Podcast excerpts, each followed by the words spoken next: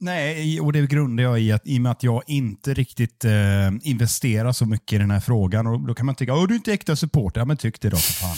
Eh, det, det, det är jag inte då.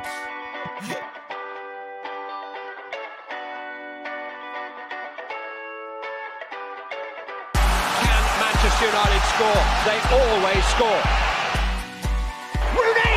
Oh, wonderful! It's Berbatov! Marcus Rashford! Oh, glorious! That is a special one! It's Beckham! It's a beauty!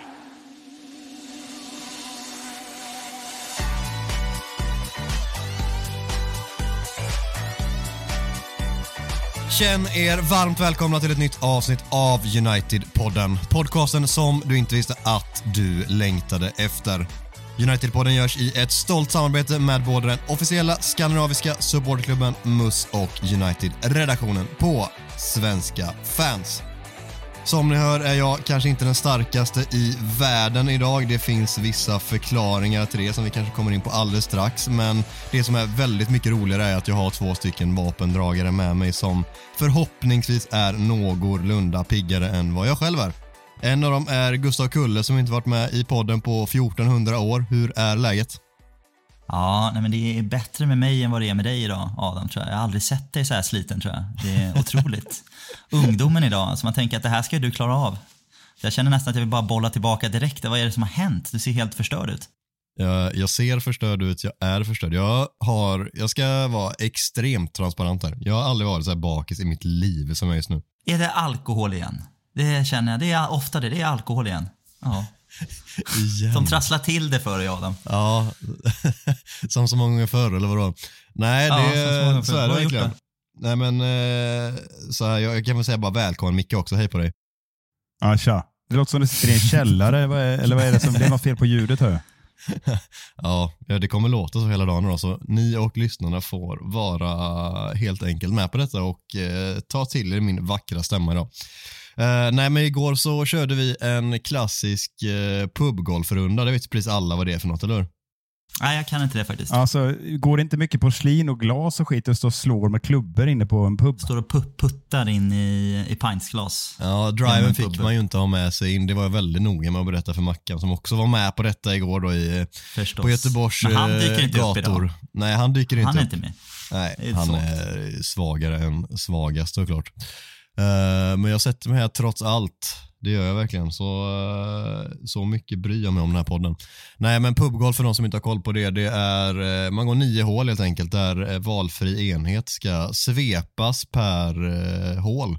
Nio hål, alltså ett hål är en pub och eh, det kan vara allt från öl till vin och eh, groggar och allt som ryms däremellan. Inga shots, tack och lov. Det hade inte funkat alls, men, eh, Men- det räckte ju som det var här. Hur går man på par liksom? Är det tre enheter per gång? Det är par. Ja, men så här, du, du ska ju helt enkelt sluka en, till exempel om det är en öl så kan man ju säga att det kanske är ett par två hål då. För en vanlig lager är ganska, ganska enkelt ändå att svepa om man verkligen vill det. Så eh, då ska du sänka den på en liksom utan att pausa och andas däremellan, ställa ner ölen. Och eh, jag tror att vi hade nog som sämst någon som tog en på en trea. Så det, ja, nej, men det, det är svårt det där. Det, det, ibland svårare än man tror, ibland väldigt mycket lättare än man tror också. Guinness var ju det svåraste av alla. Fy fan vad svårt det var. Otroligt. Och det, allt det här gör man med golfklubbor på ryggen alltså. Otroligt. Ja. Mackan hade Gustav, faktiskt med sig en golfhandske i alla fall. Ja, det är Ja, det. Kan jag tänka mig, ser lite obehagligt ut när han springer runt med sina latexgolfhandskar och äcklar sig. Men eh, Gustav, om, om det var liksom par två med eh, en lager och ja, par fyra med eh, en Guinness. Vad fan var det när vi var ute och du tvingade i mig två Negroni på toppen av de här två balkongpaketen? Det är par 17 då eller? Ja, det är ju en par tre, men det är ett 550 meter långt hål alltså, så det gäller att vara, vara, vara bra på det man gör när man spelar den par trean. Alltså. Ja. Och det var du. Det var du. 550 Grejen var att jag var ju läng- när jag slog mina slag så var jag längre ifrån hålet än från utslaget. Det var ju känslan. Ja, det, Ja, det är sant. Det är sant. En liten hook. En liten hook. Ja, nej, så är det. Jaha, Ja. det blev sprit på, på den här. Men jag tycker vi ska ändå disclaima och säga att eh, vi har hört att man kan ha kul utan sprit. Verkligen, verkligen. Jag, jag rekommenderar inte folk att testa detta. Så, eh, så kan vi säga. Hur, hur mår ni hörni? M- Micke då? Läget? Ja, men det är bra. Jag är eh, absolut inte bakfull på något vis, utan eh, mer, eh, mer trött av eh, ja, men, tydliga ålderstecken. Tecken, liksom. det, det är allt mer så att, att ja, men du vet, man måste gå upp och kissa på natten och, och så tar det en stund att somna, sen kommer dimper liksom en tidningen ner vid 04.30, så håller man på med det, så matar man fåglarna, du vet, och så här, ja, petar lite på frimärkssamlingen och sen somnar jag om. Så att, det är ganska okej med mig tycker jag. Gustav är pigg som vanligt. Jag är pigg. Jag är liksom, eh, vi, det är morgonkvisten här. Jag har varit ute och kört en liten löprunda i höst, eh, höstvärmen här. Det har inte du varit Adam, det ser man på dig faktiskt. Vi är på, vi är på eh, polar opposites i vår energinivå just nu. Idag är det så. Idag är det så Ja. faktiskt. Men jag, är, nej, men jag, ja, kör. En fråga. Ställ en fråga då, kom igen. Hur ser en klassisk kullelöprunda ut en höstmorgon?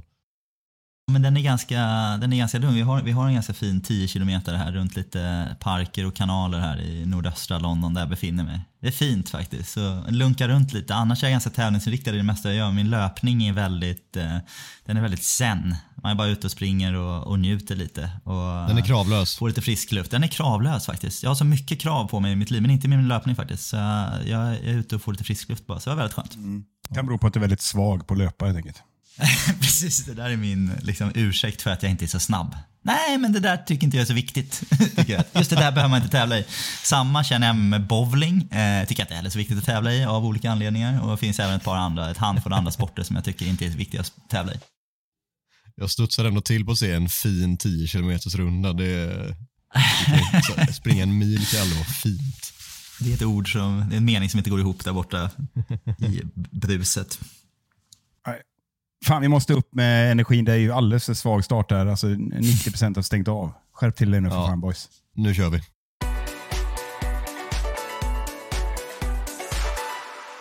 Succésegmentet Talk of the Town är tillbaka med tre stycken påståenden med aktuella ämnen som vi helt enkelt diskuterar huruvida det är sant eller inte. Vad märkligt det känns att studsa rakt in i detta när vi inte haft någon match att prata om, men så blir det. Veckans första Talk of the Town lyder så här. Erik Ten Hag har sina fem viktigaste matcher som United-tränare framför sig. Och de är då Sheffield United, det är eh, Köpenhamn i Champions League, det är Manchester City, det är Newcastle och det är Fulham och Newcastle-matcherna är då i ligacupen. Och eh, Micke, du kan väl få börja på den här och breda ut eh, dina tankar. Ska vi lägga till också att vi eh, sätter väl någon lina på det här vad som anses godkänt eller? Du tycker inte det? Vi nöjer oss. Ja, men vi kan väl sätta den på, ska vi sätta den på fyra segrar? Ja, men jag tycker det låter bra. Ja, men då, då kan jag ta mig an det här. Jag var lite förvirrad ett tag. Eh, Men eh, nej, alltså det här är ju rätt intressant för eh, man kan fundera på godkänt då utifrån vilken utgångspunkt. Alltså utifrån förväntningarna inför säsongen så är det ju då är det inte godkänt. Då måste vi vinna alla matcher som Tenag upprepar efter varje match som vi förlorar. Eh, Men eh, i nuvarande läge skulle jag säga att för mig handlar det, det är så jävla klyschigt, vi har varit inne på det några avsnitt, men att spela bra och inte förlora i ligan, tänker jag. Eh, det är väl liksom en, en rimlig målsättning och sen att vinna kuppmatcherna. Och bryter man ner de här, som jag ser det då, Köpenhamn eh, är ju liksom en måste-match, annars så får vi säga hej då till avancemang i, i Champions League, i alla fall i slutspelet. I Europa League vill man inte ens spela, så det är fan bättre att komma sist. eh, eller blir det conference då? Jag har fan inte koll på hur fan det funkar nu för tiden. Nej, det blir det inte va? Nej, Europa. Nej. Nej. Om man kommer sist blir det väl ingenting. Sist blir ingenting. Exakt. Nej, men så, så det, den är ju liksom, det, det vinna eller försvinna. Liksom. Och tittar du på ligacupen så bryr jag mig mindre om den.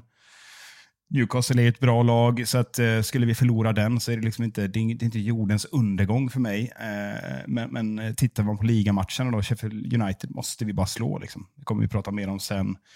Eh, City eh, kan vi hoppa över, men Fulham borta är inte lätt, även om vi brukar på något sätt trockla oss ur de matcherna känner väl också att vi bör vinna. City förväntar jag mig ingenting av, men som man har sagt många gånger, en sån seger kan vända en hel säsong egentligen. Så Och City är ju inte heller så jättebra just nu, men det handlar väl mest om att Rodri har varit utanför laget. Kommer han tillbaka så blir de väl sådär äckliga igen, lagom till vi ska möta dem. Men, så jag tänker så här, summa summarum. Nej, jag tycker inte att eh, fyra segrar krävs för godkänt. Jag eh, skulle säga att eh, Nej, jag, jag, vet inte vad jag ska säga. Vinn någon match bara och få det se lite bättre ut så är jag nöjd. Så jävla illa är det just nu. Otroligt. Men skulle du säga att det är Ten Hags fem viktigaste matcher som United-tränare som står framför honom nu? Nej, jag skulle faktiskt inte säga det. Jag tror inte... Ja, klart, fem raka torsk, eh, absolut. Då, då, eh, alltså var helt borta från, från eh, alla kupper förutom FA-cupen då eh, och liksom var hopplöst efter i ligan som det skulle liksom bli en konsekvens av. Eh, det är såklart, eh, jag tror inte han får sparken ändå. Men, men det är klart att det, han är betydligt mer illa ute. Men jag skulle säga att nej, jag tror det är lite längre än så. Det här, vi, vi försöker göra det här till en liksom, avgörande period. Jag tror media skulle haka på rätt snabbt i det här påståendet. Eh, att det är liksom kört. I, efter varje förlust så är det närmare ättestupan. Men eh, nej, jag tror inte det. Nej, det är klart att det är en jätteviktig period för Erik den Hag de kommande matcherna, men jag tror att om vi hade förlorat den eh, senaste matchen som Scott McTominay tyckte var lika bra att vända på till allas vår glädje. Om vi hade förlorat den så tror jag absolut att eh, det hade känts eh, som att eh, det här kanske är Erik den Hags viktigaste period, men det ger ändå, vilket är sjukt, men det säger också en del om hur resultat, resultatstyrd den här fotbollsvärlden är och eh, jag tror att den gör ganska mycket också för den känslan nu att den vinsten gör att han får lite andrum. Det är inte lika, lika, lika, lika kritiskt att eh, vinna en jävla massa matcher på rad nu liksom som det hade varit annars. Så jag är nog inne på ditt spår. Jag, jag skulle inte säga att det är hans fem viktigaste matcher. Fyra för att det ska vara godkänt. Ja, kanske egentligen. Alltså, så här, det är ju jättesvårt, det är precis som du säger, det beror på vad man har för förväntningar inför säsongen. Absolut, då skulle det vara så där vi är just nu. Svårt att kräva det med tanke på hur dåliga vi har varit, men jag tycker i grund och botten att vi ska kunna kräva fyra segrar av Manchester United mot det här motståndet. Det, det tycker jag.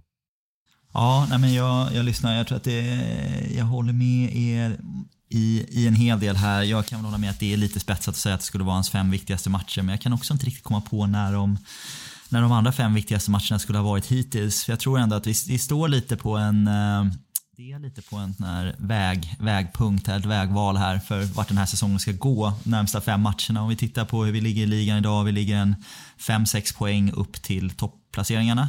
Eh, jag tror inte att det där gapet får bli så himla mycket större eh, nu närmsta fem matcherna. Utan jag tror att vi måste nog försöka hålla det och då pratar jag upp till tredje, fjärde plats, inte till första platsen som vi i grund och botten borde, vi kunna, vi kun, borde kunna haka på både Tottenham och Arsenal eh, vid den här tidpunkten av säsongen. Eh, så vi borde inte, liksom, borde inte vaska det redan nu och prata om tredje, fjärde platser. Men jag tror att vi måste, vi måste hålla det där avsnittet, avståndet. Det kan inte vara 10 poäng eh, i Premier League upp till en fjärde plats efter de här fem matcherna. Det ser för dåligt ut. Ligacupen tycker jag man kan vaska. Eh, man behöver inte vinna den varje år. Nu vann vi den förra året så det är ju en bonus, bonuskupp om det är så att vi går långt i den. Nu när City är ute också så finns det ju lite, lite bättre sannolikhet att vinna en sån kupp. Eh, Köpenhamnsmatchen skulle jag säga kanske än, än viktigare för där har vi ändå en, eh, alltså skulle man inte vinna mot Köpenhamn hemma eh, och mer eller mindre vara ute ur Champions League efter tre, tre matcher mot Galatasaray, Köpenhamn och, och Bayern München så är ju det otroligt underbetyg för, för Ten Hag och det hade inte sett bra ut. Eh, City-matchen pratar ni om, den är det är väl en det är bonuspoäng om man plockar det. Sheffield och Fulham ska vi slå. Så jag, tror, jag tror ändå att det är... Eh, jag, jag, tror att han behöver ha med sig bra poäng från de här fem matcherna. Vi behöver eh, ha en Champions League-seger utan tvekan. Behöver nog ha minst sex poäng i Premier League från de här matcherna eh, för att se till att vi hakar på. Eh, för det är också lite, vi ska prata om det i andra former här, men det är potentiellt nya ägare på väg in med nya sportsliga ansvariga. Eh, det finns inga garantier på att man vill jobba med samma tränarstab och samma, samma sportsliga ledning eh, när de kommer in, om det blir så. Så jag tror att han, eh, ja det, det är nog fem väldigt viktiga matcher framöver. När jag försöker jämföra liksom perioder som kan varit viktigare för honom, det är klart att det här är jätteviktigt som sagt, men jag, jag tänker nog att hans viktigaste period blev i fjol efter den Brentford-förlusten på bortaplan när Liverpool stod för dörren härnäst och det är liksom Ten Hags viktigaste period som United-tränare hittills, även med de här kommande fem matcherna inräknade. Men det är klart som sjutton att den här är där uppe på åtminstone topp tre. Det håller jag med om. Eh, den, eh, den blev ju med fast i hand väldigt, väldigt avgörande och det hade kunnat se annorlunda ut om vi hade på en stor förlust mot Liverpool och fortsatt knackigt två, tre matcher till där. är ju frågan om vi hade haft Ten Hag kvar eh, vid den här tidpunkten, mm. troligtvis inte. Men om vi, om vi kastar in den jämförelsen då. Jag tycker det är bra intressant att du tar upp det Adam. För, ja, men jämför er magkänsla då. Eh, alltså jag minns, det var mer som en chock. Men jag, det var inte så att jag satt och tänkte att Åh, Ten Hag out. Som något jävla eh, troll. Sitter och gormar bara efter två torsk. Det var mer så att man blev totalt chockad av att vi blev så jävla avslöjade i, i anti-Ole-fotbollen eh, med bollinnehav och uppspel eh, från backlinjen. Liksom det, var, det var sån chock mer. Men alltså, utan att jag svarar på frågan, bara vänder den till er då, till dig Gustav till exempel. Hur, hur eh, om du jämför känslan i magen eh, efter Brentford 04 där och två raka torsk eh, jämfört med nu då, som alla säger att nu har det gått så lång tid och nu borde spelet varit bättre. Visst, vi har en seger i ryggen, men liksom känslan inför de här fem viktiga matcherna då, eh, jämfört med den perioden som Adam tar upp. Nej, men jag tror att jag hade mer, mer tålamod med den, den där första perioden. Jag kände att det är klart att det var ju två riktigt katastrofalt dåliga matcher och resultat i, i början av Ten Hags Premier League-resa. Men jag kände nog alltid att här, man måste ge tränare tid. Och det, det får vara liksom, jag var beredd att ha en hel vaskad säsong. Att man kanske kommer sexa, sjua och får lite tendenser att spela lite bättre. Precis som Klopp gjorde sin första säsong eller Pep Guardiola utan titlar i City sin första säsong. Så kände jag att det, det tålamodet fanns alltid där och jag kände att det var väldigt tydligt att man försökte spela på ett, på ett nytt sätt eh, och att det uppenbarligen inte riktigt funkade kanske framförallt med, med den målvakt och backlinje man hade eh, som man fick tänka om. Vilket han gjorde väldigt snabbt. Så, så där kände jag mig nog inte så jätteorolig. Eh, här är jag väl egentligen inte heller jätteorolig eftersom att jag tycker att väldigt mycket av av de dåliga, svaga resultat vi har haft i år har kunnat liksom attribueras till både skadeläget eh, och liksom så många spelare som har varit borta. Eh, men även lite, alltså lite marginalerna emot sig under flera situationer. Man har haft marginalerna med sig lite i vissa situationer också men det har ju vi hade ju lätt kunnat få ett par till ganska starka vinster här eh, om vi hade haft lite, lite VAR-marginaler på vår, på vår sida. hade det blivit lite andra matcher. Eh, så jag tycker inte jätteorolig över det heller. Eh, men det är väl mer att man känner varför den här perioden känns viktig jag tycker man kan inte riktigt klaga på att han inte har spelarna längre. Utan nu har Rasmus Höjlund uppenbarligen, han är redo att spela nummer nio eh, mer eller mindre 90 minuter. Så han har sin anfallare nu.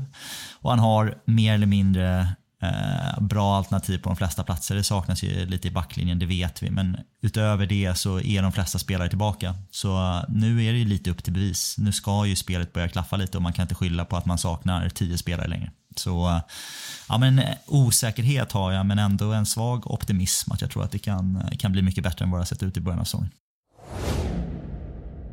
att Qatarbudet dras tillbaka och Sir Jim Ratcliffe förvärvar 25% med ryktat sportsligt ansvar av Glazers är det bästa som kunde hända klubben i ägarfrågan.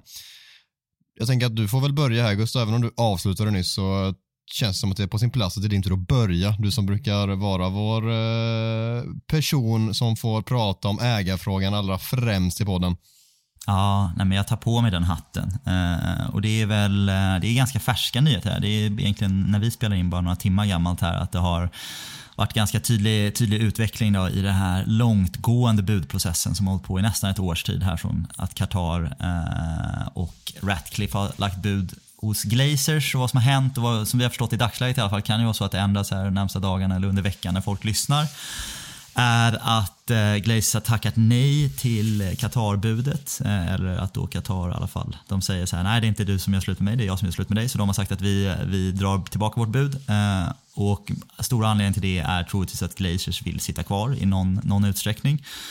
Och att Ratcliffe då har jobbat ner sitt bud som från början var 51% eller ryktades vara 51% med 49% Glazers och andra investerare ner till 25% men att de här 25% skulle ha någon typ av klausul som gör att han får vara ansvarig för de sportsliga, sportsliga besluten. Så troligtvis vilken sportslig ledning man sätter, vilken tränare man har eh, och eh, ja, eventuellt transfers då och att eh, Glazers fortsatt ansvara för den kommersiella biten som egentligen är ja, rent ekonomiskt den stora biten för United. Det har vi sett att det går ju att tjäna stora pengar på Manchester United utan att vi vinner stora titlar eller konkurrerar på planen. Så att de får ha kvar den då. Eh, så om påståendet då är om det här är det bästa som kan hända för klubben så tror jag att man måste ställa sig frågan vad man tycker är det bästa för klubben. Där har vi alla olika åsikter. Jag tror att om man vill snabbast möjligt ha en modern arena, nya träningsfaciliteter, eh, konkurrera om en Champions League-titel och kanske attrahera en Jude Bellingham till klubben eh, så tror jag inte att den här lösningen är det bästa för klubben. Då tror jag att en Qatar eller, eller motsvarande Emirat eh, hade varit en bättre lösning. Då tror jag att man snabbare får får den utväxlingen. Men eh, om man värdesätter hur vi byggs som klubbs eh, och har en stor och liksom ser en stor problematik med att vara statsägda av ett land med bristande mänskliga rättigheter så tror jag att svaret är ja. Jag är inte, jag är inte helt, helt rungande övertygad om att det är rätt. För det är ändå Glazers har skött den här ekonomin exemplariskt eh, enligt mig. Eh, och det är ju ingen snack om saken att man har ju ökat intäkterna och spenderat otroligt mycket i den här spelartruppen eh, under hela sin tid. Även om det kanske finns en arena som har förfallit lite och träningsfaciliteter som inte är up to speed så är det rent ekonomiskt tycker jag att man har skött klubben väl. Om då Ineos och Ratcliffe här skulle komma in och bli ansvariga för den sportsliga biten, eh, det kan ju bli bra eh, och kan ju vara positivt. De har väl inte gjort något sånt här fantastiskt, varken med sina cykelteam eller Nisse eller Lausanne eller de andra sportsliga initiativen de, de äger. Eh, så jag vet inte om de har den kompetensen men eh, det känns ju som att det inte kan bli jättemycket sämre rent sportsligt. Så det skulle kunna bli ett bra lyft. Eh, men lite med en risk att det kan bli lite stökigt i beslutsfattandet här. Att det är lite svårt att veta var gränserna dras med vilka spelare som ska köpas eller vem, vilken tränare som ska has när det är en sån här lite, lite fluffig att Glazers har majoriteten men att Ratcliffe då ska få sköta den sportsliga biten. Så det känns som att det finns ganska mycket frågetecken där som måste delas ut. Men med det sagt, långt svar här är jag väldigt, väldigt glad av att Qatar har backat ur för det är en ägare som jag verkligen inte vill ha. Alltså jag, jag, jag måste säga, jag förstår ingenting av det här. Eh, och... Sorry, jag, jag, tar det igen. Så, Nej, inte det du säger. pratar sju Men, minuter. Du är ganska jag förstår men just här var du tycker jag ganska granulär i din utläggning. Jag förstår ingenting av det här hela det här eh, grejen och jag är möjligt att jag får, får ganska många lyssnare emot mig nu, men, men jag bryr mig inte lika mycket kring det här. Det är inte så att jag, mitt supporterskap står inte och faller för att Glazer skulle eh, råka vara kvar. Eh, det är lite pest och kolera om de är kvar eller om, om, om eh, som du är inne på, Qatar skulle kliva in. Liksom, det, jag, jag bara känner att jag har distanserat mig kring den här frågan för att jag tycker det är så jävla larvigt, alla de här rubrikerna som kommer varannan dag. Att eh, det här jävla landet är eh, on the verge of eh, bla bla bla, komma överens och köpa upp. Hur många gånger har vi inte sett den rubriken på Twitter? Liksom? Två miljarder gånger. Det är så tjatigt och nu landar man i den här lösningen.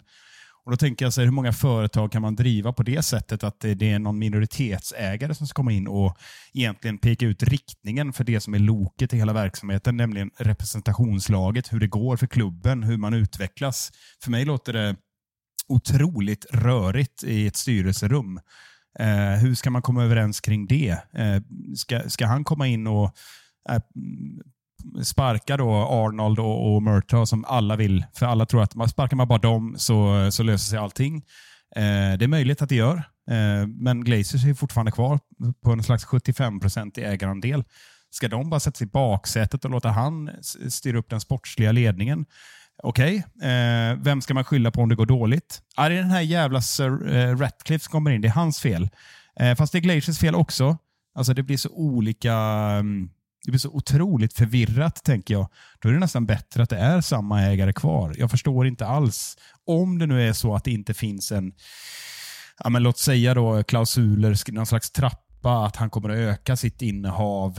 Eh, vad vet jag? Eh, det här kanske handlar om finansieringen, att han kan inte liksom på ett bräde slänga upp 51 procent. De vill inte sälja. Nej, men varför vill de sälja 25 procent då? Har de dåligt med pengar?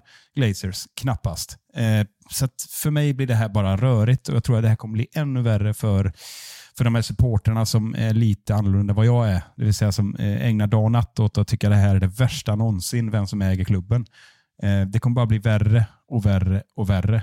Vilket jag, det är det jag menar, att jag förstår ingenting med det här 25 procenten. Om inte ny information kommer fram som tydliggör att det finns en, en, eh, en tydlig plan för eh, att han kommer att köpa upp klubben över tid. Vilket jag känner inte till något någon motsvarande affär. jag vet inte om ni kan hjälpa mig med det, om det finns en annan klubb som har genomgått en sån metamorfos i faser. För mig låter det här bara förvirrat.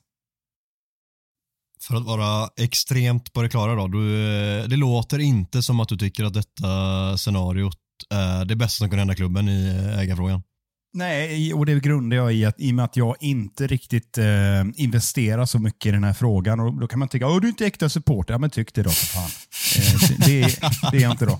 Hetsen är där borta. Ja.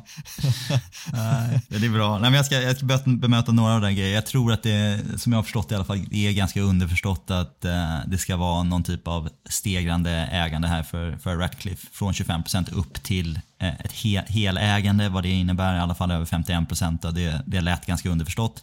Det är väldigt tydligt så att det, de sex Glazers-syskonen här som sitter i styrelsen på United, att de är lite delade på, några vill vara kvar och, och fortsätta tjäna pengar, det är en kassako, eh, minst sagt United, och vissa känner att de vill ut. Så jag tror att det här är liksom kompromissen som Glazers har hittat. Sen vad det hur långt är en bit snöre? Är det två år, tre år, fem år eller tio år innan sista, sista Glazers-personen har sålt sina aktier, det vet man ju inte, men det är väl på den resan man ska gå.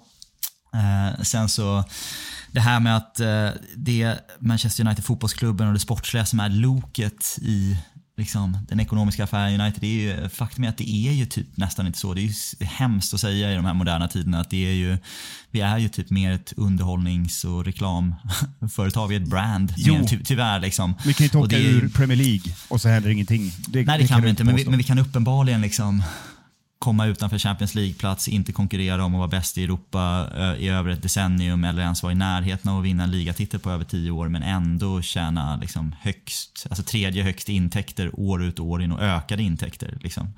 Så, så det är uppenbarligen någonting annat som drar än, än hur vi presterar på planen. Men det finns väl en, det är klart det finns en bottennivå där också.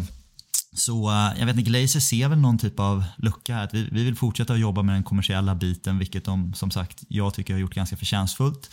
Och fortsätta att rycka sina, sina dividends och sina, sina interest payments som de har fått, fått i många år här. Eh, och sam, samtidigt som släppa någonting som de har insett att de inte som de får mycket kritik för och inte riktigt behärskar. Eh, och den sportsliga biten och då också får de, eh, anledningen till att de gör det här från början är att de behöver kapital. Inte för att de inte har pengar men för att de själva inte vill putta in pengar i United. För de vill putta in pengar i andra projekt, andra, andra business som de har. Eh, vilket gör att de vill ha någon som kan komma in för att de vill, de vill renovera Old Trafford. Eh, de vill fortsätta bygga upp spelartruppen eh, och då behöver de lite färska pengar.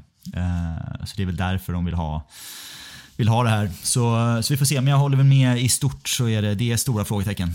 Eh, jag tycker inte att det är klockrent. Jag, tycker att det är, jag är jätteglad att Qatar är borta. Eh, för det är någonting jag har varit väldigt investerad i. Att jag inte vill att Qatar ska äga, äga vår fotbollsklubb. Eh, men det är ju ingen, det är ingen kanonlösning. Men kanske, kanske en lite bättre lösning än att bara Glazer sitter kvar. kanske. Jag tycker att ni båda har väldigt många intressanta tankar kring detta och för att inte bara sitta och återupprepa saker som ni har sagt så tänker jag eh, konstatera att eh, jag tycker så här. Och Då tänker jag göra om påståendet lite grann bara och säga att Qatarbudet dras tillbaka är det bästa som kunde hända klubben i ägarfrågan. Snyggt ändå. Ja, men det är vi överens om. Ja, vi, vi, vinklar du så, så, men jag skulle ändå vilja... Alltså jag, jag skriver under det. Jag vill inte heller ha Qatar. Absolut inte, men jag tycker det här förvirrade mellanlösningen, ja, vi får se, det kommer mer information. Är det som du säger Gustav, vilket låter ganska logiskt, att det finns en plan för successivt övertagande, även om jag eh, inte riktigt förstår eh, Ratcliffe då han kommer in med 25 procent och då tänker jag så här, okej, okay, vad ska förändras? Hur ska han sätta ett statement på att han äger 25 procent av klubben? Det blir jag väldigt nyfiken på. Eh, är han en sån som, jag vet inte hur de brittiska affärsmännen är, det får du upplysa oss om Gustav, men är han en sån som vill eh, sätta ner foten här, ja, men då kanske det blir något snabbt beslut som att typ sparka Ten Hag eller, eller justera, rensa ut helt liksom, eh, hela liksom, den sportsliga ledningen. Okej, okay, mitt i den här kaossäsongen är det precis det vi behöver. Ja, eh, skulle jag säga. Eller kommer han liksom gå in och kanske på ett mer ödmjukt sätt sätta sig in i och, och liksom eh, tillsätta någon form av haverikommission eller, eller för den delen kanske en förstudie eller ett, eh, liksom ett, eh, jag menar, en, en utredning som ska leda fram till insikter till vad som ska förändras när han väl har över 50 procent och, och det kanske dröjer ett och ett halvt år innan det smäller till. Och Sen beror det väl på resultaten också. Det funderar jag på. Så det inte bara blir någon så här, okej, okay, Eh, det måste bli någon signal till supportrar, till intress intressenter, till sponsorer. Vad blir skillnaden när han går in? Det är jag väldigt nyfiken på och jag hoppas inte att han gör förändringar för sakens skull, för då blir det ännu mer, då blir det torktumlare av det här och då blir det Chelsea och då kan det liksom bli vad fan som helst på något sätt, tänker jag. Och det, det är jag lite orolig över. En fråga till er här som vem som helst av er får grabba tag i, som jag kommer att tänka på nu på uppstuds. Alltså hur, hur mycket gör ni av att eh, Sir Jim Ratcliffe inte har gjort det särskilt bra sportsligt med Niss? Hur mycket eh, vikt lägger ni vid att det inte har fungerat sportligt för honom när han nu då, vi får väl se om det blir så, men om han nu då kliver in i Manchester United. För jag, jag, så jag, jag tänker inte på det det minsta faktiskt. Jag, ska jag vara helt ärlig så känner jag lite att det är den typen av satsningar, det är klart att de är viktiga för honom, det, det är inte det jag menar, men lite blir det också känslan av att det är typ sidoprojekt, alltså det här skulle ju vara det största typ han ger sig in i i, i livet som affärsman att ta över United. Det är en helt annan grej. Och jag, med, med det sagt vill jag inte förringa Niss eller cykellaget eh, på något sätt, men det är en helt annan dignitet att ta över Manchester United än den här typen av projekt som man haft innan. Så jag lägger inte jättemycket vikt vid det som vissa andra gör, men eh, jag vill höra hur ni tänker och ser på detta. Ja, men jag tror att du, svarar nästan på frågan själv, där, i alla fall med min, min åsikt. Jag, jag håller med dig eh, med reservationen för att jag tycker att liksom, det är bra det är bra att göra alla projekt man har bra. Det är, liksom, det är, det är lite, lite svajande om man går in lite halvdant mm. i projekt, även om det är lite sidoprojekt och även om det är lite mindre skin in the game, att man inte, man inte är lika investerad. Men jag kan hålla med om att precis det du säger i slut, slutfrasen där, att det, det här skulle vara hans stora livs, livsverk. Liksom. Så jag utgår ifrån att han går in med en helt annan inspiration och motivation för det. Men det är klart att det hade ju känts bättre om man hade gjort en, en otrolig resa med Nice. en sportslig resa liksom. Eller någonting som man kände att så här, ja, man ser ju att de är duktiga på att anställa duktig sportslig ledning och har en bra filosofi genom, genom de byggen han gör. Nu, är det, nu tror jag, nu är jag ute på extremt jävla hal men jag tror, jag tror att både segling och cykling har varit relativt framgångsrik och han äger väl också en relativt stor del av eh, Formel 1 eh, Mercedes eh, tror jag också Ineos äger väl också 25-30% tror jag och de har minst sagt varit ganska framgångsrika. Men hur mycket av det som kan översättas in i att äga en stor elefant som Manchester United, det vet jag inte. Men jag, jag skulle, jag skulle hålla med dig där. Jag, jag, tycker att det hade varit fint om, eh, om det hade kunnat gå lite bättre på fotbolls, fotbollsfronten så att man hade något att luta sig mot där. Det enda jag tänker på när jag tänker på Nice är att typ Mario Balotelli spelade i Nice. Jag tänker det är under en period när, när, när Ratcliffe var där. Så jag vet inte, det kanske säger någonting om hans transferfilosofi, vad vet jag. Men eh, nej, jag tror att det är, det är någonting helt annat här. Ja, jag skulle bara fundera lite grann kring, eh, eh har han helägt Niss och de här, eh, ja, du sa det var inte helägt i Formel 1-grejen och cykelstallet. Eh, jag funderar kring ett projekt där du inte äger 100% kontroll eller majoritet. Det kan ju också påverka utkomsten och, eller liksom resultatet av vad du levererar. Tänker jag. Hur mycket kan du skylla på att det är liksom hinder i form av andra investerare som tycker att man ska göra si eller så. Det, det tycker jag man ska ta in om det nu är så att han har he helägt Niss och helägt eh, cykelstall och det, det har inte gått så bra, då, då skulle jag säga att då är det mer varningsflagg. Men eh, innan jag fortsätter så vet vi det. Jag är ganska säker på att de andra är, är, är helägda, men jag kommer inte ta gift på det. Men jag är ganska, både, i alla fall majoritetsägda, både Niss och alla hans andra sportprojekt, förutom Formel 1 som är dyrt och Mercedes. Ja, man kan ju liksom, eh, här kan man bara spekulera. då. Okej, okay, du ska gå in i ditt livs största projekt. Du har, in, du har bara 25 procent av medlen. Du har uppenbarligen inte andra liksom, investerare med dig. Eh, eller så är det Glazer som sätter emot att Nej, men du får bara köpa 25 procent. för, för mig känns det så lite halvhjärtat på något sätt. Eh, vad fan, upp med pengarna då. Eh, sök finansiering. Eh, vad vet jag, på de här enorma nivåerna så är det väl inte lätt gissar jag. Och är det så att det är Glazer som sätter käpparna i hjulet, att de vill liksom se något slags successivt övertagande. Jag, jag förstår fortfarande inte den affärsmodellen, men då tänker jag så här, ja, ja, vi får vänta och se. Men eh, jag skulle säga att jag är lite mer blank i eh, hans tidigare investeringar eh, på det sättet. Det är väl liksom upp till bevis, tänker jag. Vi har veckans Town Hall kvar där ni får komma in och tycka till. Där eh, förra veckans löd så här. Segern mot Brentford blir likt 2-1-segern mot Liverpool i fjol vändningen på säsongen. Och eh, där var det en ja-sida på 41% och nej på 59% procent innan eh, Micke ska få gå igenom ett par kommentarer bara. Vad, vad gör du av den eh, röstningen Gustav? Hur, eh, hur ser du på att det är så mycket pessimister där ute övervägande? Nej, men jag tycker det, det är väl relativt rimligt. Om man såg matchen så känns det som att det var ett litet nödrop att vi lyckades lösa den. Fantastiskt, men eh, jag kan förstå att man inte riktigt kände att så här, nu vänder allting. Eh, man vill nog se ett par matcher till. Så det är väl de här fem matcherna då, vi har pratat om innan vi, innan vi får övervikt på majoritet, att det vänder. Micke, vad, vad säger våra kära lyssnare i frågan? Men jag tycker alltså, kommentarerna som kommer speglar ju eh, röstningsresultatet. Man, är liksom, man vill inte kalla det för vändning, man är lite försiktigt eh, optimistiskt, eh, optimistisk. Om vi tar Erik Beine här som, som skriver så här, citat. Jag hoppas givetvis att det är vändningen, men min magkänsla eh, är att denna, denna säsongen kommer bara fortsätta eh, vara fortsatt deppig med hackande spel och dåliga resultat. Låt det ta tid. Rom byggdes inte på en dag. Och jag tycker egentligen det säger det mesta om vad, vad, eh, vad känslan är i kommentarsfältet här. Ingen som vill, vill, vill liksom köpa det här på något sätt. Man, man går inte på det här tricket som, som McTominay eh, dukade upp för oss. Eh, men, eh, och som vi, vi hade lite den energin i avsnittet fram till att Mackan valde att totalsåga Anthony från öst. kom det in. Så eh, vi hade det lite mysigt där ett tag, men, men eh, sen Jack Wik skriver så här också. Nej! Utropstecken. Blivit bränd för många gånger. Det är City snart också. Och då, då, då tolkar jag in i det svaret att han tror att det kommer någon ny kölhalning som skickar ner oss i källaren igen. Så att, ja, det är inte så att det är mer kamp Mackan här kan man säga, eh, generellt i svaren. Det blåser inte optimismens vindar i kommentarsfältet här i alla fall. Nej. ja, vi har veckans tanor att gå igenom och eh, den lyder så här. Två spelare i engelska landslagstruppen, båda på gränsen till att ens vara startspelare, är ett problem för vår identitet. Här tänker jag att du som har skickat in det här Gustav får eh, lite förklara premisserna kring det här påståendet.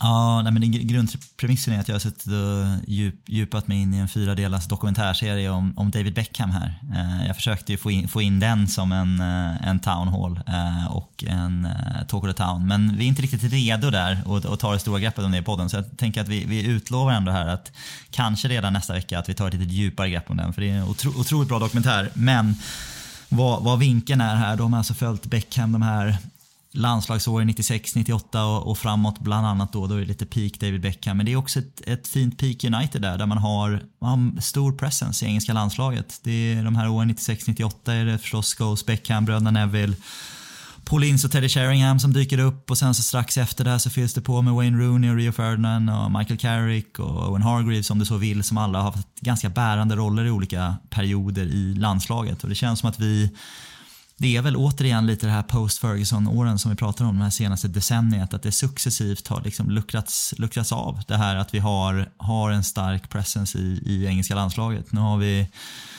Rashford som förstås har varit en av våra bärande spelare men som inte är, ja, men inte garanterad speltid i, i, en, i ett landslag där det är ganska tufft om, om de där ytterplatserna. Eh, en Harry Maguire som vi vet han blir utbuad av, av sina egna fans, han, eh, även där när han är ute och springer.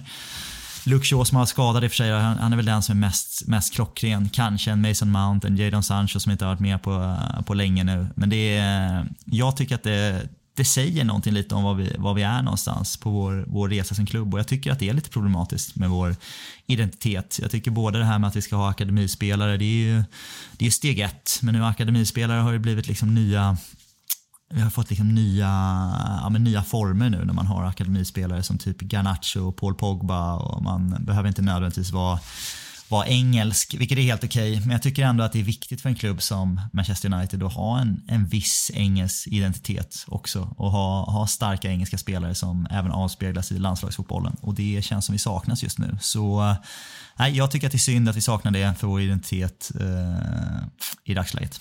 Tycker du att det är ett problem för vår identitet, Micke?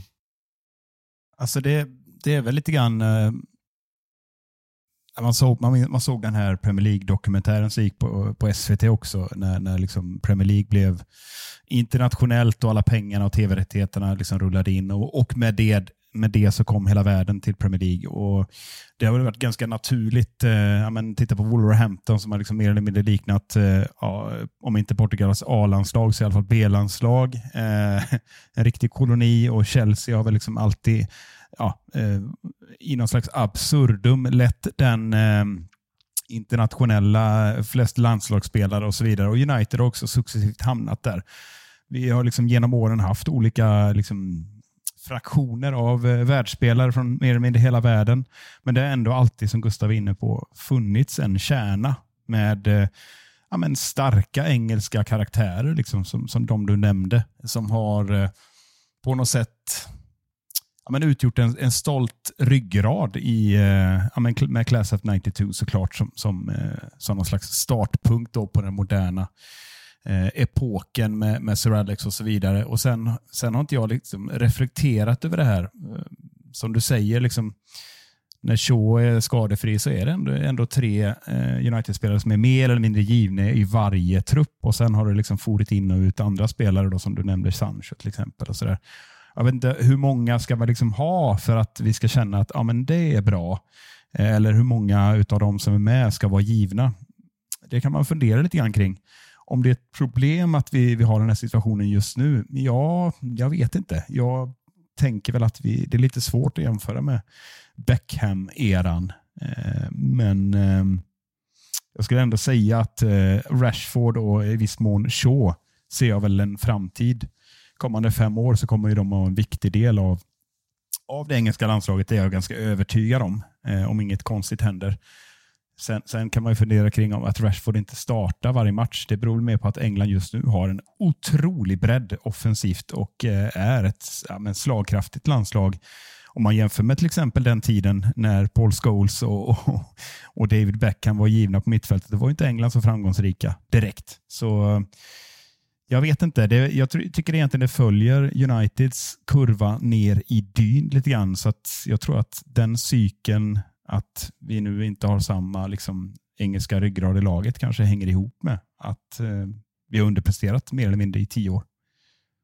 Är jag orolig över det? Jag vet inte. Jag tycker det är en massa andra saker jag måste vara orolig över när det gäller United.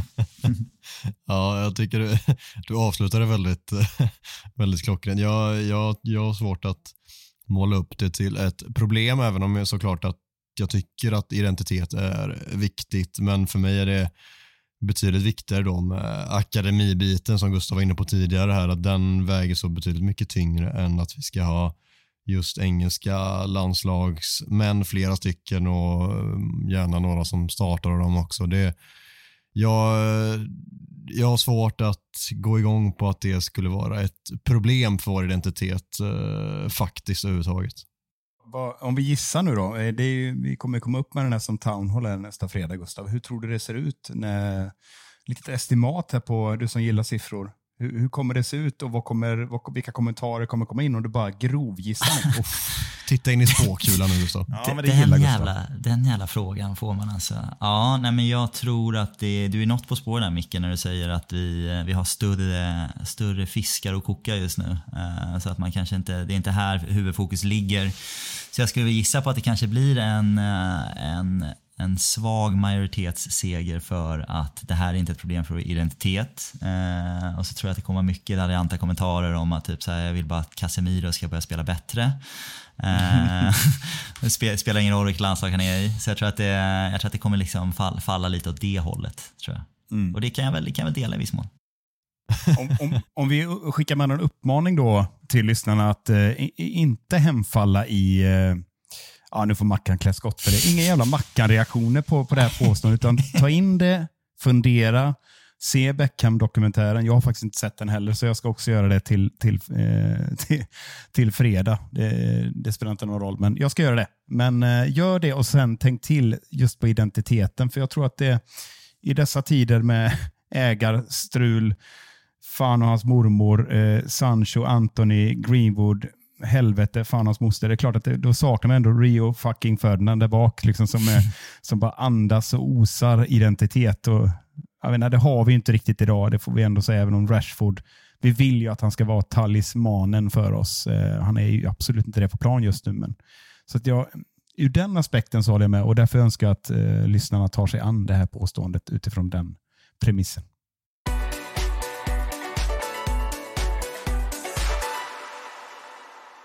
På lördag klockan 21.00 tydligen spelar United borta mot Sheffield United och eh, där har Micke Martinsson givetvis satt ihop en schysst motståndarkoll. Ja, men det känns bra. Förra veckan fick jag köra veckans bajs-Micke när eh, Nestor Mackan Eriksson satt eh, i samma sändning och denna veckan får jag alltså köra motståndarkoll när ja, Gustav Kulle som är, liksom, han är genomgående usel på det mesta, men här är han stark. alltså, han brukar alltid ha otroliga motståndarkollar som, som mer liknar någon slags vetenskapens värld med Bogi Eriksson. Kommer ni ihåg honom? Martin Eriksson, E-Types farsa för övrigt. Nej, men eh, det var ett sidospår. Men du är ändå vass där Gustav och därför känner jag viss press här nu. Så med det sagt så ge fan i hugg på det jag säger nu. Svar nej. Kör på. Jag visste det. Men okej, Nej, men okej, vi tar sats. Nykomlingen Sheffield United som eh, efter två säsonger i Championship gick upp i Premier League igen.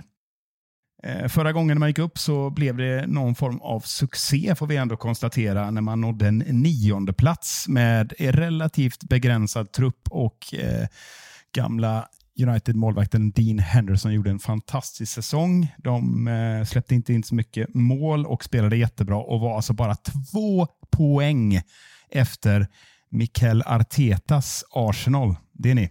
Eller var det kanske det året han tog över efter eh, Unai? Jag kommer inte ihåg. Skitsamma. Eh, det fantastiskt fina Arsenal var väldigt nära Sheffield United då. Bara en reminder. I år så kan man ju inte påstå att det börjat så bra. Det är inte någon form av succé i alla fall, snarare katastrof. På åtta matcher så har det alltså bara blivit en enda poäng och eh, det blev kom hemma mot Everton 2-2 och Everton har inte rosat marknaden heller. Så, och den här hemska 0-8 förlusten hemma mot Newcastle summerar liksom den här återkomsten lite grann kan man ju konstatera. Och trots det här jävla mörkret så är man alltså bara tre poäng upp till säker mark där Luton just nu ligger på 17 plats. Vilket får liksom ses som den enda rimliga målsättningen att sikta på. Det är liksom topp 17, det är det de får gå på i år, är känslan det man har sett hittills i alla fall. Och mannen med det sexiga namnet Paul Heckingbottom, eh, var det korrekt uttal Gustav? Klockrent alltså. Tack ska du ha. Det är för övrigt fem plus namn när man får liksom ta sats lite grann innan man tar det i sin mun. Så han har ju tränat det här laget sedan mars 21. Eh, och Det var ju året de åkte ur.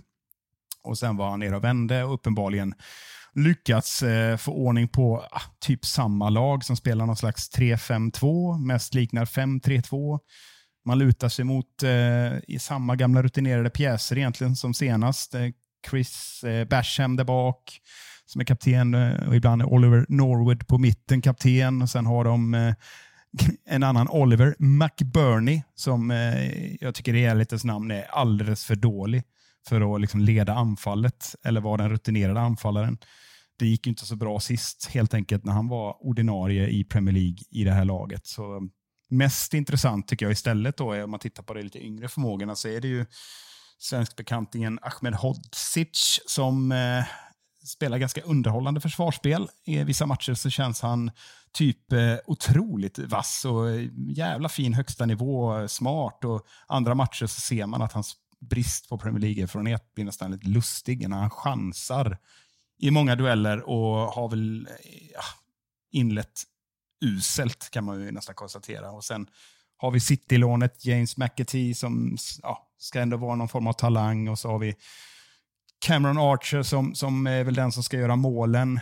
Och sen i, i truppen så har vi den här gamla Häckenspelaren också, Traoré, som ska vara någon form av joker. Han, jag har sett någon halvlek, eh, han spelar mot City tror jag. Tycker han såg rätt intressant ut. Så, ni hör ju, jag griper efter halmstrån här. Jag är inte alls imponerad. Jag tror ingen är imponerad av det här laget. Så, med det sagt så, United har ju stött på Sheffield United fem gånger i modern tid och vi har fyra i ligan då, de två säsongerna var uppe.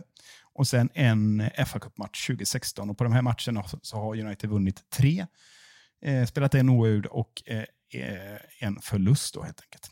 Och senast, senaste gången man möttes på Bramall Lane så vann United med 3-2. Och kommer ni ihåg vilka som gjorde målen?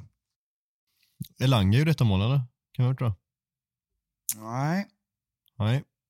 Vilket år pratar vi om nu? Två år sedan? Ja, precis.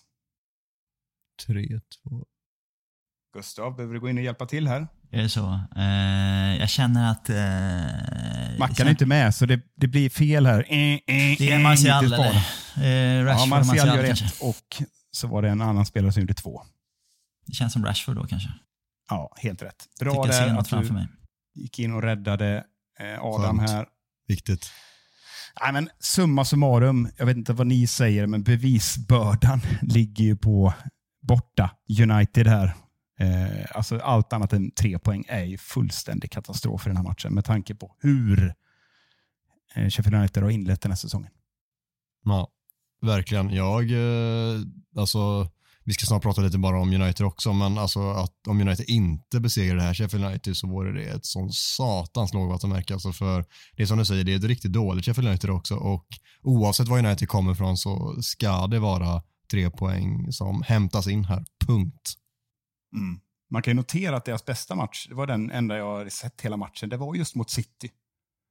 När de kvitterar sent och sen vänder City ändå. Jag vet inte om det var Rodri eller vad det var som vräkte in den, men jag kommer inte ihåg. Men det är ju rätt intressant att de, de verkar då trivas eh, när de kan krypa ner lite i skyttegravarna. Alltså, det oroar ju, men med tanke på att man torskar med 0-8 mot Newcastle, liksom, det, ska, det ska ju inte ens hända.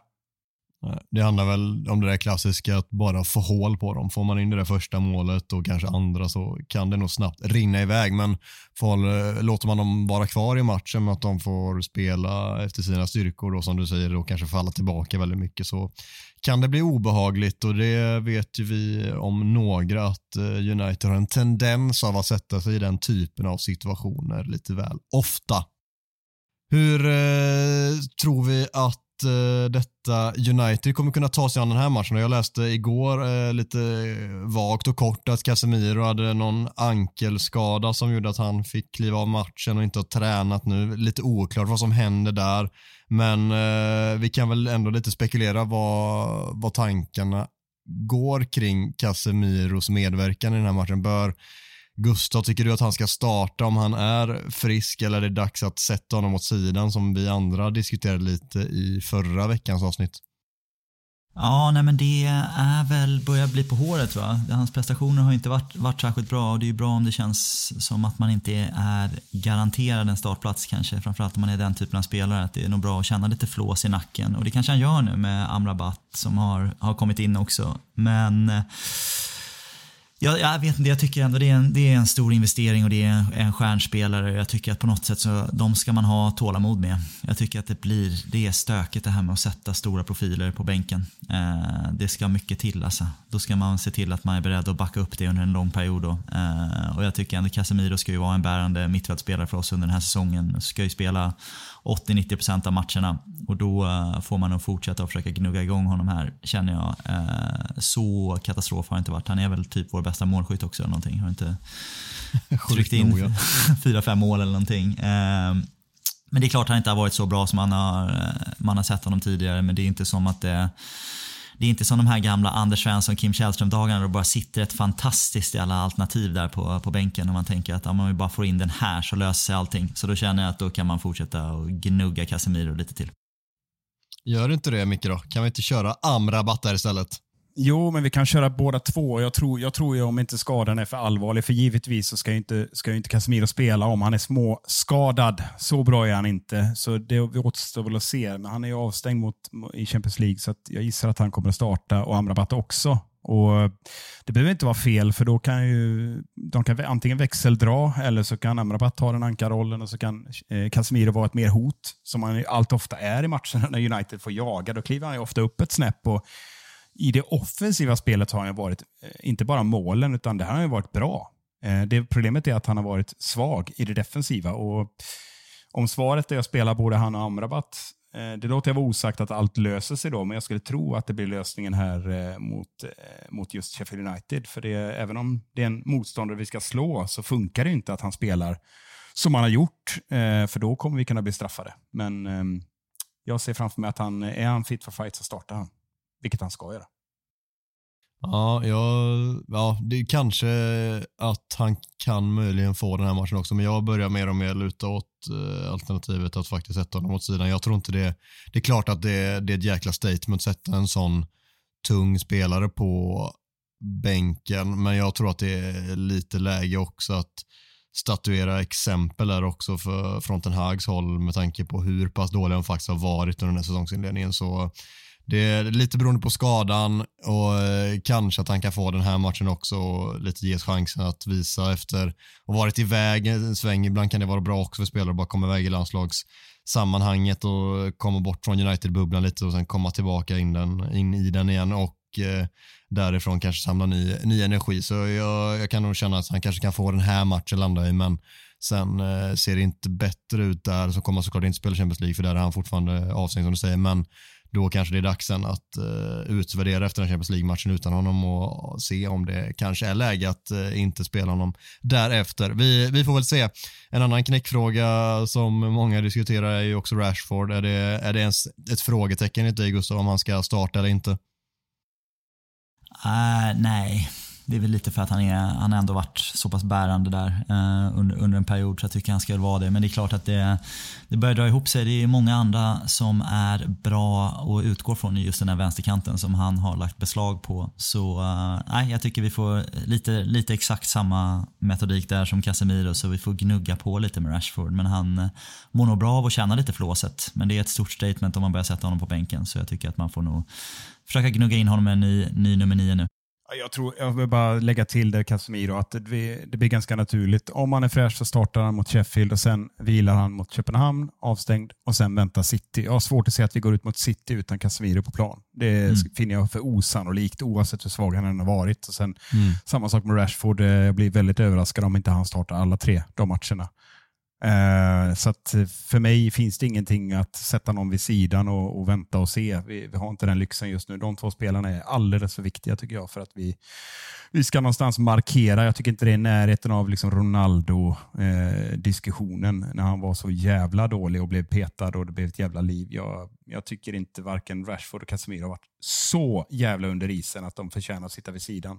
För jag tycker alternativen saknas Ja, jag vet inte om jag håller med. Alltså, så här, just kring Casemiro tycker jag ändå, så här, och, och, jag vet inte, det vet ju ingen av oss än, för vi har inte sett det, men ja, där vill jag ändå se Amrabat i den rollen i så fall, för jag tycker att Casemiro har varit så pass dålig i senaste tiden att det, jag vill se något annat. Jag tycker att det kan vara läge för det, men som sagt, i den här matchen, ge Casemiro möjligheten att bevisa att han är eh, på en uppåtgående kurva till slut och att eh, vi kan bygga vidare därifrån. Men eh, därefter så kan nog mitt tålamod i alla fall eh, tryta ganska rejält om det inte ser bättre ut. Med det sagt så ska vi såklart tippa i vanlig ordning. Gustav, vad vinner United med? Manchester United. Manchester United, ja viktigt, viktigt där. Jag höll på att trolla bort mig. Nej, men det, det blir en 3-1-seger. Det är Höjlund som gör två.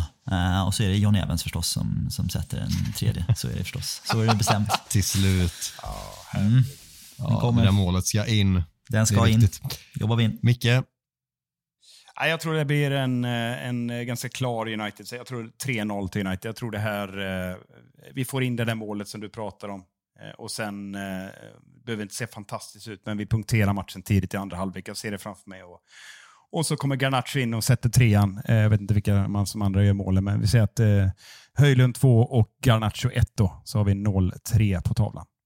Ja, det vore ju skönt om Höjlund fick spräcka sin eh, Premier League-nolla och eh, det tippar jag att han gör också, men jag tror att det blir 2-0-seger och eh, att det blir en svår första halvlek där vi till slut får hål på Sheffield i, ska vi säga, runt timmen spelad och sen så eh, kontrar vi in 2-0 också när de försöker trycka upp laget med 10 minuter kvar och då eh, är det Rashford som slutligen får eh, göra mål och kanske få en begynnande formkurva åt rätt håll. Det känns ju för gött i alla fall att vi är eniga om att det blir en seger. Det är ju på tiden att vara lite optimistiska va? Ja, Verkligen. håller helt med. Underbart. Super. Med det sagt så är det dags att klappa igen butiken för den här veckan. Det här avsnittet gjordes i ett stolt samarbete med United-redaktionen på Svenska fans och den officiella skandinaviska supportklubben MUS. Vill du resa till Manchester, bli medlem i supportklubben på mus.se och få tillgång till deras 500 säsongskort på Old Trafford. Med de orden tackar jag Gustav, jag tackar Micke, men framförallt er kära lyssnare som har orkat med oss i ännu ett avsnitt. Stort tack för detta. Följ oss jättegärna på sociala medier, där heter vi United-podden. Och så hörs vi igen nästa vecka. Ta hand om er.